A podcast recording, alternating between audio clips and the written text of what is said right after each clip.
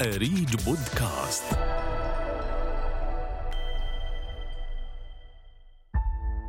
تكررت في الفترة الأخيرة حالات الوفاة التي تحدث بسبب الأخطاء الطبية. بين تلك الحالات حالة الحاجة أم مصطفى. الجراح كان يرهب الحجة إنه أنا يا أمي بدي أعمل لك العملية هاي بطريقة المنظار لحتى ما تعجزي حتى أولادك ما يخدموك أنا بدي إياك أنت تخدمي نفسك. والحجة طبعا قالت له يعني اللي انت بتشوفه مناسب أنا زي والدتك. لكنها توفيت بعد أيام معدودة من إجراء العملية. ومن ثم قام أبناؤها برفع قضية على الطبيب الجراح.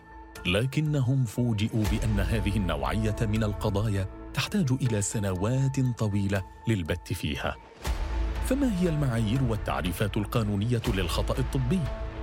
وما هي الجهة المنوطة بتقديم التقرير الفني الذي يعتمد عليه القاضي لإصدار حكمه؟ وما هي المعوقات التي تطيل مدة التقاضي؟ وكيف يمكن حلها؟ وهل قانون المسؤولية الطبية يحتاج إلى إعادة النظر في تعريف الخطأ الطبي؟ تقابلنا مع مصطفى ابن المتوفى لنسمع منه القصة كاملة. مئة واط من أريج بودكاست إعداد هديل فايز الطوالبه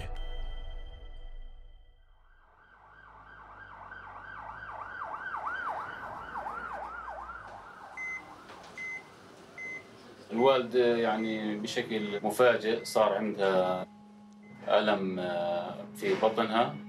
فتوجهنا أنا وأخوي لمستشفى الخاص. اجى الطبيب الجراح قال الحجة عندها ثقب في القولون. وخوفنا من العملية الجراحية خلينا نحكي فتح البطن.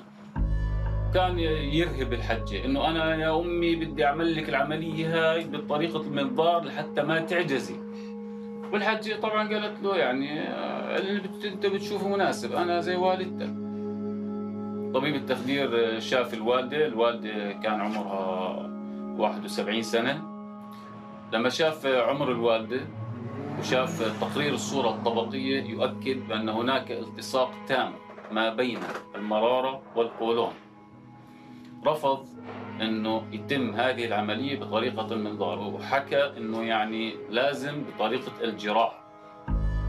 لما اجى الجراح قال هذا طبيب التخدير قلبه ضعيف وبالفعل بدل طبيب التخدير جاء طبيب تخدير ثاني وقام الجراح إزالة المرارة مع قص جزء من القولون وطلع من العملية بعد ساعتين. قال العملية ناجحة تمام 100% ما في أي مشاكل الأمور الحمد لله 100% وإن شاء الله شوي وبتصحى وأمورها بتصير كويسة وإلى آخره. آه، الخميس آه، صباحا الحجة غادرة. الجمعة بعد خروجها من المستشفى في يوم واحد. لفظا هكذا يعني حكت أنا في ألم ببطني فلت إشي ببطني تم نقل الوالدة رحمه الله إلى الطوارئ وجا الطبيب بعد حوالي ربع ساعة وشافها كشف عليها بشكل سريري يعني وقال ما في شيء بخوف الأمور منيحة عندها شوية غازات عندها شوية انتفاخات والأمور طيبة طلب من الممرضات يعطوها المسكن وبجرعه قوية. توجهنا للطبيب قلنا له يا دكتور في شيء غلط. الوالده بطنها قاعد بيزيد صار لها يومين ما نامت.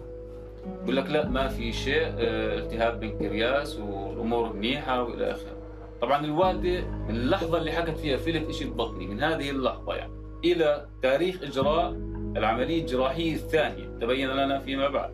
كانت فاتحة مكان العملية في القولون فاتح كامل وهذا الانتفاخ كان عبارة عن تجمع للبراز والأوساخ. هلا الطبيب يعني ثبت الخطأ عنده. نادانا على المكتب وقال يعني هناك احتمال لخطأ في العملية وإذا كان في هناك خطأ أنا أتحمل المسؤولية. أنا كجراح وليس الطبيب الباطني. هذا الحكي بعد ثلاث أيام جمعة وسبت واحد. صبر الطبيب على المريضة الوالدة رحمها الله من الجمعة وهي شكت إنه هناك انتفاخ بالبطن في شيء في التب بطنها من الجمعة إلى الأحد كل قتلها. سمح للتسمم ينتشر للمرحلة التي أدت إلى الوفاة وهي بالنهاية أقدار ولكن قدرها كان على إيده. إحنا رفعنا قضية عند الادعاء العام يعني الآن يقررون إذا كان هناك هذا الخطأ طبي أم مضاعفات عملية. وإلى الآن الجراح أؤكد بأنه يمارس عمله الجراحي بكل أريحية. وكأنه يتعامل مع يعني مش بشر.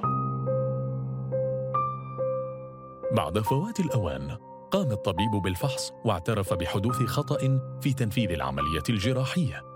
في نهاية الأمر توفيت الحاجة أم مصطفى وقام أهلها برفع قضية ليثور السؤال القانوني ما هو تعريف الخطأ الطبي وفقا للقانون الأردني ذهبنا إلى السيد أنس جوهر المحامي وتوجهنا إليه بهذا السؤال انتقادات آه، لقانون المسؤولية الطبية والصحية وهي انتقاد قانوني بحت وأنا شايفه من وجهة نظري إنه آه، في مخالفة تكاد ترتقي لانها مخالفة دستورية أو مخالفة لقانون العقوبات اللي هو تعريف الخطأ الطبي.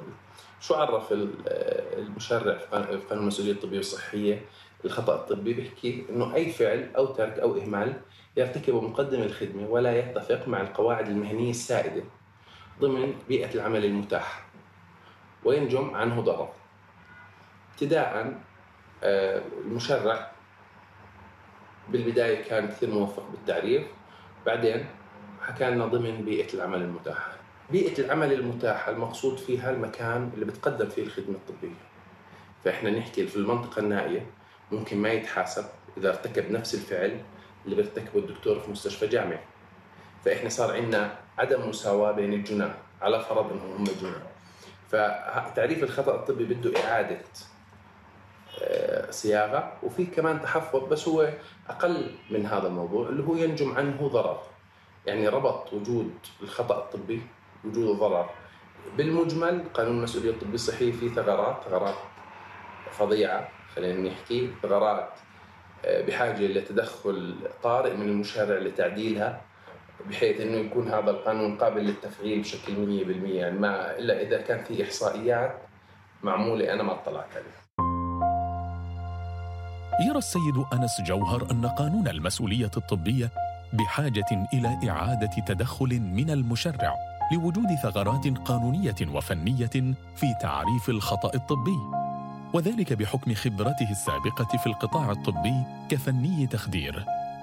لكن ومع تلك الثغرات سألناه ما هي الجهة المنوطة بتقدير نوع الخطأ المرتكب؟ وهل لديها الخبرة الكافية لتوصيفه حتى تسهل على القاضي إصدار الحكم؟ وجود هاي اللجنة الفنية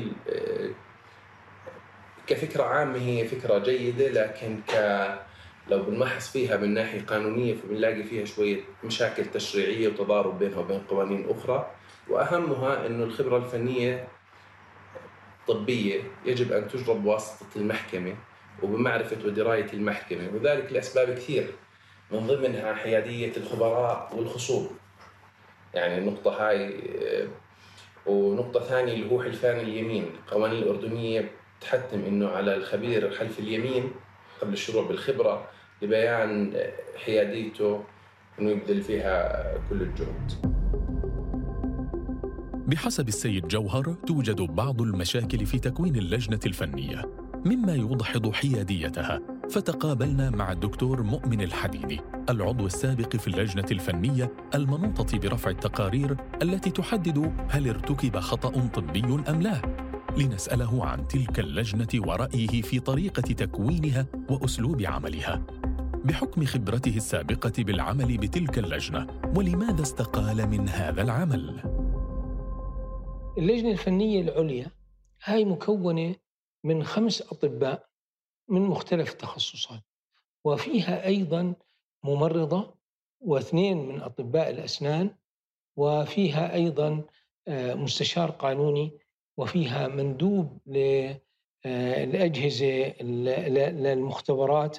للأسف هذه اللجنة آه، يعني اختلط عليها الأمر. فبطلت تعرف هل هم خبراء ولا هل هم بدهم يختاروا خبراء. فلذلك أنا شعرت أنه هذا الاضطراب وطالبت عدة مرات بتوضيح الأدوار وتكون مكتوبة وصدور تعليمات توضح كيفية إدارة الزمن وكيفية إدارة المدد آه، أيضا كيفية وضع المكافآت للخبراء هذا كلياته ما ما تمش. واستقلت منها بهدف تصويب الأوضاع. وما تصوبت أي شيء بدون شفافية بدون الحوكمة الرشيدة اللي بنسميها governance.